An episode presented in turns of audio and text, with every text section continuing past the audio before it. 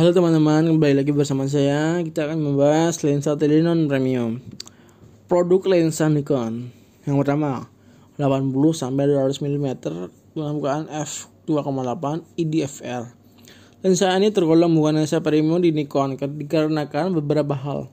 Pada lensa ini tidak ada teknologi VR yang mampu meredam ke dalam pada shutter rendah atau digelap sehingga mudah mudah noise. Sehingga ketika digunakan di cahaya rendah atau low light membutuhkan tripod atau monopod. Selain itu pada lensa ini tidak dilengkapi dengan manual dan auto untuk yang mampu otomatis memfokuskan objek memfokus, memfokuskan objek kecuali jika kamera 3DX atau crop factor dilengkapi dengan motor atau FX full frame maka lensa ini akan berfungsi maksimal namun dalam hal lain 80 sampai 200 ini mengembangkan pengalaman gambar jika berada di cahaya yang cukup lensa ini tidak dapat dihasilkan dalam film film